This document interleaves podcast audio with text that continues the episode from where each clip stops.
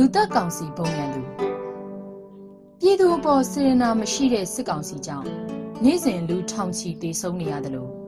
မလုံခြုံမှုတွေနဲ့အကာအကွယ်မဲ့တဲ့ဘဝကိုရင်ဆိုင်နေကြရတယ်။ဒါပေမဲ့စစ်ကောင်စီဟာအာဏာတည်မြဲရေးကိုသာအာရုံထားပြီးမျိုးဦးတော်လှန်ရေးကိုပါအင်အားချိနေအောင်ကိုဗစ်ကိုလက်နက်အဖြစ်အသုံးချနေပါပြီ။ဒါကြောင့်ဒီစစ်မိတ်ဆာတော်လှန်ရေးကိုတမိုင်းပေးတာဝန်တရက်လိုခံယူပြီး မြမမြေပေါ်ကအပီးတိုင်ချေမုံမှုအသက်တမအရေးကြီးနေပြီဖြစ်ပါတယ်။စစ်အာဏာသိမ်းမှုဟာနှိမ့်ဝက်ရှိလာပြီဖြစ်ပေမဲ့အောင်မြင်မှုမရှိဘဲနိုင်ငံရေးအရာအရှုံးတွေနဲ့သာရင်ဆိုင်နေရပြီးလူတို့အပေါ်ကျူးလွန်တဲ့ရုံမာရက်စက်မှုတွေဟာလည်းနေ့စဉ်ရက်စက်ဆိုလိုကြားနေရပါတယ်။စစ်အုပ်စုရဲ့လူမဆန်တဲ့လုပ်ရက်တွေဟာပုံမဆိုးရွားလာပြီးလက်ရှိအခြေအနေဟာဆိုရင် မြမတမိုင်းမှာမကြုံခဲ့ဘူးတဲ့အဆိုးရွားဆုံးကပ်ဘေးနှစ်ခုဖြစ်တဲ့ကိုဗစ်ကပ်ဘေးနဲ့စစ်ဘေးကိုကြပြိုင်နဲ့ရင်ဆိုင်နေကြရတာဖြစ်ပါတယ်။မကြမီအငတ်ဘေးပါကြုံလာနိုင်စရာရှိနေပါတယ်။နိုင်ငံသားပြည်သူအလုံးဟာလည်းခိုကိုးရမဲ့ပြီးမလုံခြုံမှုတွေနဲ့အကာအကွယ်မဲ့တဲ့ဘဝကိုရင်ဆိုင်နေကြရပြီဖြစ်ပါတယ်။ဒီကပ်ဘေးနှစ်ခုကြောင့် ရှေ့မှာအခက်အခဲအကျက်တဲဒုက္ခပေါင်းများစွာရင်ဆိုင်ရပေါ်ရှိနေလို့ဥပင်တောကစိတ်တွေပြည်သူတွေမှာကိုယ်စီရှိကြလိမ့်မယ်ဆိုတာတန်ရရှိစားလို့မထင်ပါဒီကပ်ဘေးနှစ်ခုကိုဘယ်လိုကြော်လွှားမလဲဆိုတဲ့ကိစ္စဟာပြည်သူအလုံးအတွက်အကြီးမားဆုံးစိန်ခေါ်မှုတစ်ခုဖြစ်လာနေပါပြီ။ဘာကြောင့်လဲဆိုတော့အားလုံးရဲ့မျှော်လင့်ချက်အနာဂတ်တွေကိုဖျက်ဆီးပျောက်ဆုံးစေနိုင်တဲ့စိန်ခေါ်မှုကြီးဖြစ်နေလို့ပါပဲ။ တရခန်ကဘယ်သူတွေလဲ။ကိုဗစ်ကပ်ဘေးပို့ပို့ပြီးဆိုးရွားလာတာဟာနိုင်ငံရေးအကျက်တဲကိုဖန်တီးခဲ့တဲ့ဖြစ်စဉ်ကြောင့်လို့ဆိုရပါမယ်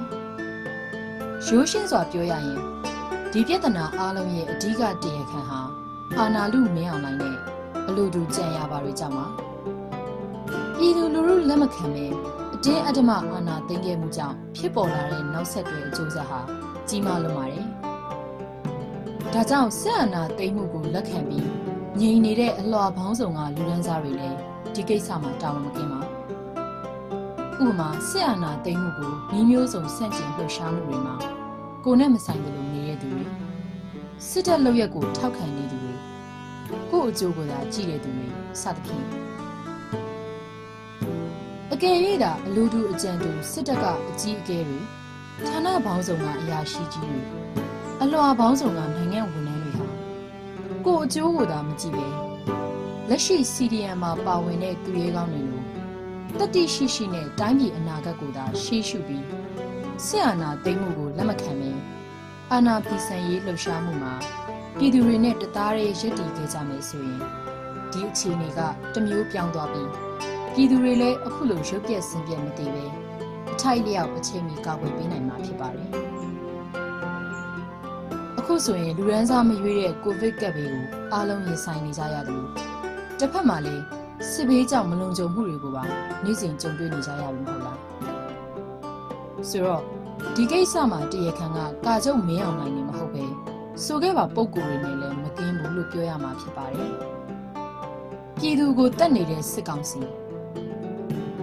လက်ရှိမှာတော့နေ့စဉ်ရက်ဆက်ဆိုလို့ ပြည်သူတွေဟာကန်ဆိုးစွာနဲ့မသေးသင့်ပဲအတုံးယုံတည်နေကြရတယ်နိုင်ငံသားအခွင့်အရေးတွေနှီးမျိုးစုံနဲ့အကြိမ်ကြိမ်ချိုးဖောက်ခံနေရကြတယ်ဒီအခြေအနေကိုကောင်းမွန်စွာထိန်းသိမ်းနိုင်မှုဆိုတာကလည်းအာဏာသိမ်းစစ်ကောင်စီအနေနဲ့ဘလို့မှမစွမ်းဆောင်နိုင်တဲ့အပြင်စနစ်ကြပြီးလက်တွေ့ကျတဲ့အစီအမံမျိုးလည်းမတွေ့ရပါပထမနဲ့ဒုတိယလိုင်းမှာတက်မတော်အနေနဲ့ကိုဗစ်စင်တာတွေလုပ်ပြီးကိုဗစ်ကိုထိန်းချုပ်နိုင်မဲ့အစီအမံမျိုးကို ထုတ်ဖော်ပြခဲ့တယ်လို့ယခုတတိယလိုင်းဖြစ်ခါစားမှာလေထိုနည်းတူပဲ we are ready ဆိုတာမျိုးတောင်လုပ်ကြသေးတာအားလုံးသိကြမှာပါဒါပေမဲ့တကယ်လက်တွေ့မှာတော့ဘလို့မှမကာကွယ်မထိန်ချုပ်နိုင်တဲ့အပြင်ပြည်သူတွေကိုမတိသေးအောင်နှီးမျိုးစုံနဲ့တက်နေတာကိုထင်ထင်ရှားရှားတွေ့မြင်ရပါတယ်။ပြည်သူကိုကိုဗစ်ကပ်ဘေးကနေကာကွယ်ကယ်ထုတ်ဖို့မဟုတ်ပဲကိုဗစ်ကိုလက်နက်အဖြစ်စနစ်တကျအသုံးပြုနေတယ်ဆိုတာ ပို့ပို့ပြီးသိတာထင်ရှားလာပါတယ်။လွန်ခဲ့တဲ့ဇူလိုင်26ရက်နေ့ကအေယာဝတီသတင်းဌာနရဲ့ဖော်ပြချက်အရတာမန်အရက်သားပြည်သူတွေနေမဟုတ်ပဲစစ်တပ်ထောက်ခံသူတွေအပါအဝင်စစ်တပ်ကတရင်တပ်ဖွဲ့အများစုကဗိုလ်မှူးပူကြီးအဆင့်ရှိတဲ့အရာရှိတွေအောက်ခြေတပ်သားတွေနဲ့သူတို့ရဲ့မိသားစုဝင်တွေမှာကိုဗစ်ကူးစက်ခံနေရပေမဲ့စစ်ဆေးရုံမှာဆေးကုသခွင့်မရကြဘူးလို့ဆိုပါတယ်။ အာနာသိန်းစစ်ကောင်စီဟာသူတို့လူတွေကိုတောင်ဂရုမစိုက်နိုင်တော့ပဲအာနာတီမြဲရေးကိုသာဥတီကြိုးပမ်းနေတာကိုကြည့်ရင်ဘသူတေးသေးဂရုမစိုက်ဘူးစိတ်မဝင်စားဘူးအာနာတီမြဲရေးသာအဓိကဆိုတဲ့အနေအထားမျိုးကိုတွေ့နေရပါတယ်ပြည်သူကိုကျန်းမာရေးစောင့်ရှောက်မှုမပေးတဲ့အပြင်အောက်ဆီဂျင်အောင်လွတ်လပ်စွာဖြည့်တင်းခွင့်ဝယ်ယူခွင့်မရှိပဲစစ်အုပ်စုကထိန်းချုပ်ကန့်သက်တာတွေကြောင့်အသက်ပေါင်းများစွာသေဆုံးနေကြရတယ်လို့ ပြည်သူတွေကိုအပြင်ကနေကုသပေးနေတဲ့ပရဟိတစေရနာဝန်ထမ်းဆရာဝန်တွေကိုလည်းအဓမ္မဖမ်းဆီးတာတွေစတဲ့လူအသက်နဲ့ဆိုင်တဲ့ကိစ္စတွေမှာဝင်ရောက်နှောက်ယှက်တာတွေဟာပြည်သူအပေါ်လူမဆန်တဲ့ရုံမာရက်စက်မှုလို့ဆိုရမှာပဲဖြစ်ပါတယ်။ဒါဟာလူသားမျိုးနွယ်အပေါ်ဂယုဏကင်းမဲ့စွာကျူးလွန်တဲ့စစ်အုပ်စုရဲ့လုပ်ရက်တွေဖြစ်ပါတယ်။လူမှုအမြင်သဘောထား စစ်ကောင်စီဥက္ကဋ္ဌကကိုဗစ်ကိုပြည်သူလူထုပူးပေါင်းမှုနဲ့ကြော်လွှားမယ်လို့ပြောဆိုခဲ့ပေမဲ့စစ်ကောင်စီအပေါ်အယုံကြည်မရှိတဲ့ပြည်သူတွေဟာပြည်သူမှပြည်သူတို့အချင်းချင်းကူညီဆောင်ရှောက်နေကြရပါတယ်။ပြီးတော့မတရားဖန်ဆီးထောင်ချခံရတဲ့ဆရာဝန်တွေတင်းရှောင်နေကြရတဲ့ဆရာဝန်တွေကျမ်းမာရေးဝန်ထမ်းတွေကိုအရှက်တရားကင်းမဲ့စွာနဲ့ပြန်လာကြဖို့အကြိမ်ကြိမ်ပြောဆိုနေပေမဲ့အစီအမံတကြအကွက်စင်ဖန်ဆီးရုံမှမှုတွေကြောင့် စစ်ကောင်စီအပေါ်မယုံကြည်မှုတွေဟာလည်းပူပြီးအရှိန်မြင့်လာတယ်လို့ပူပေါင်းဆောင်ရွက်လိုတဲ့အနေအထားဟာလည်း0အဆင့်ထိကိုရောက်ရှိနေပြီဖြစ်ပါတယ်စစ်ကောင်စီရဲ့အကြမ်းဖက်လုပ်ရက်တွေလူမဆန်တဲ့ရုံမာရက်စက်မှုတွေဟာစစ်ကောင်စီအနေနဲ့ကိုဗစ်ရောဂါကာကွယ်ထိန်းချုပ်မှုကြာရှုံးရခြင်းရဲ့အခြေခံအကြောင်းတရားတွေလို့ဆိုနိုင်ပါတယ်ရှေ့ဆက်ပြီးလုပ်ရင်လည်းဒီရလက်ပဲထွက်လာနိုင်စရာရှိပါတယ် စစ်ကောင်စီဟာမိမိတို့အာဏာတည်မြဲရေးကိုသာအဓိကထားဥတီကြိုးပမ်းနေတာမဟုတ်စစ်ဘေးကြောင့်ပြည်သူတွေဘလောက်ပဲတည်တည်ဒုက္ခရောက်ရောက်ကိုဗစ်ကြောင့်ပြည်သူတွေဘလို့ပဲရုပ်ပြက်ဆင်းပြက်သိနေပါစေပြည်သူအပေါ်လူသားဆန်တဲ့လက္ခဏာတွေလုံးဝမတွေ့ရတဲ့အပြင်ပြည်သူတွေကိုမသိသေးအောင်နှီးမျိုးစုံနဲ့တက်နေပြီးဇညောဟောင်းလိုပဲကက်တင်ရှင်ကြီးလှုပ်ချင်တဲ့အဖွဲ့အစည်းဖြစ်နေပါပြီ ပြည်သူတွေအပေါ်သူတို့ရဲ့လူသားမဆန်မှုဟာအလွန်အံ့အားသင့်စရာကောင်းတော့အောင်လို့ရုံမာရက်ဆက်လုံးနေရဲဆိုတာသူတို့ရဲ့လုပ်ရက်တွေကတက်တည်ထူနေဖြစ်တယ်လို့ဘယ်တော့မှအုပ်ချုပ်ခွင့်မရစေရဘူးဒီလိုစနစ်ဆိုးမျိုးကိုလုံးဝအရောက်မခံဘူး Federal Democracy ပြည်ထောင်စုကိုအရောက်သွားမယ်ဆိုတဲ့ပြည်သူတွေရဲ့တန်တိတ်ထန်ဟာလည်းပိုပြီးခိုင်မာစေခဲ့ပြီဖြစ်ပါတယ်ရခင်အစိုးရ၏ကျန်းမာရေးဆောင်ရှောက်မှု NLD အယက်သားအစိုးရခေတ်ကိုဗစ်ပထမနဲ့ဒုတိယလိုင်းမှာယောဂကြိုတင်ကာကွယ်ကုသရေးအစီအမံတွေကိုအရှိန်အဟုန်နဲ့စနစ်တကျလှုပ်ဆောင်ခဲ့ရမှာအတိုင်ပင်ခံဦးဆောင်တဲ့ပြည်သူအစိုးရရဲ့စီရနာမှန်ကန်မှုကြောင့်ဆိုရမလားမသိအလှော်ဘောင်းဆောင်ကပြည်သူတွေရဲ့ပူးပေါင်းပါဝင်မှုနိုင်ငံတကာအဖွဲ့အစည်းတွေအိမ်နီးချင်းနိုင်ငံတွေရဲ့အကူအညီတွေစတဲ့အဖက်ဖက်ကပူးပေါင်းပါဝင်မှုတွေကြောင့်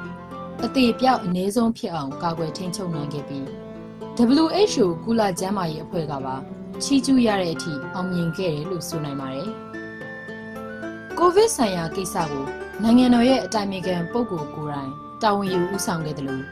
ပြည်သူတိုင်းကာကွယ်ဆေးထိုးနိုင်ရေးအတွက်အစွမ်းကုန်ကြိုးပမ်းခဲ့ရမှာလဲဒေတာရင်းနိုင်ငံတွေထက်စောပြီးကာကွယ်ဆေးကိုပထမအကြိမ်စတင်ထိုးပေးနိုင်ခဲ့ပါတယ်။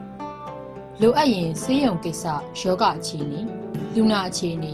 ကြိုတင်ကာကွယ်ရေးစီမံချက်ဆိုင်ရာကုသရေးဆိုင်ရာစတဲ့ကိစ္စရပ်တွေကိုမကြာခဏဆိုသလိုပြည်သူတွေစီမိန်ကွန်းပြောရင်းပြည်သူတွေကိုစိတ်သက်ခွန်အားတွေပါမြင့်တင်နိုင်ခဲ့တဲ့အပြင်ကိုဗစ်ကြောင့်တိတ်ဆုံးသွားတဲ့ပြည်သူအယောက်စီတိုင်းကိုလည်း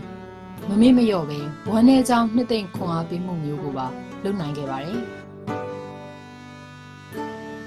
ပြည်သူအစိုးရခင်မှာ အားလုံးကိုတန်ဖိုးထားပြီးဂရုတစိုက်ဆောင်ရှောက်ပေးနိုင်ခဲ့ပေမဲ့အခုတတရလိုင်းမှာတော့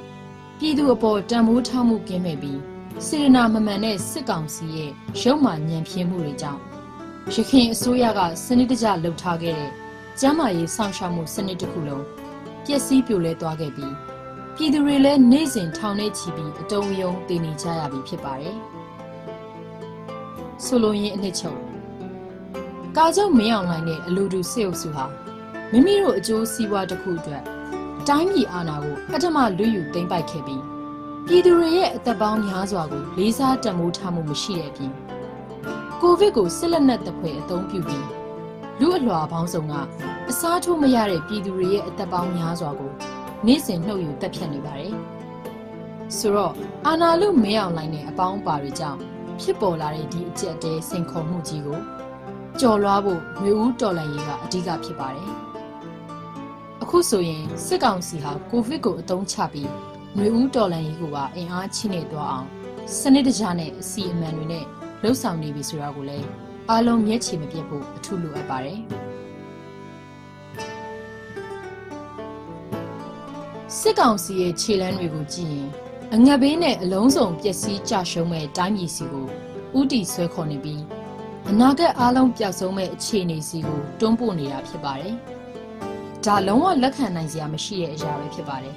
။စေအုပ်စုကြီးစိုးနေတဲ့၍ဒီဒုက္ခဒီဘဝကလွတ်မြောက်ဖို့မလွယ်ပါ။နောက်နောက်ဒီတိုင်းပြည်မှာဒီလိုစစ်အာဏာသိမ်းမှုဖြစ်စဉ်မျိုးဘယ်တော့မှထပ်မကြုံရဖို့အနိုင်မခံအရှုံးမပေးပဲအထမဝါရီသမားစေအုပ်စုကိုအမြင့်ပါမကြံတွန်းလှန်ချေမှုန်းရမှာပဲဖြစ်ပါတယ်။ဒါကြောင့် ဒီတော်လန်ရေးဟာမအောင်မြင်လို့မဖြစ်ဘူးဆိုတဲ့အသည့်ကိုပြည်သူတရက်လုံးကတမိုင်းပေးတာဝန်တရက်လိုခံယူပြီးကြာရကဏ္ဍမှာဒီစစ်အာဏာရှင်မိစ္ဆာတွေကိုမြမမြေပေါ်ကအပီးတိုင်ချေမုန်းပြဖို့အသက်တမျှအရေးကြီးနေပြီဖြစ်ပါတယ်။အရေးတော်ပုံအောင်ရမည်။ယခုဆောင်းပါးကိုရေးသားသူကတော့ຫນွေဦးကိုကိုဟုံမလိန်ဖြစ်ပါတယ်။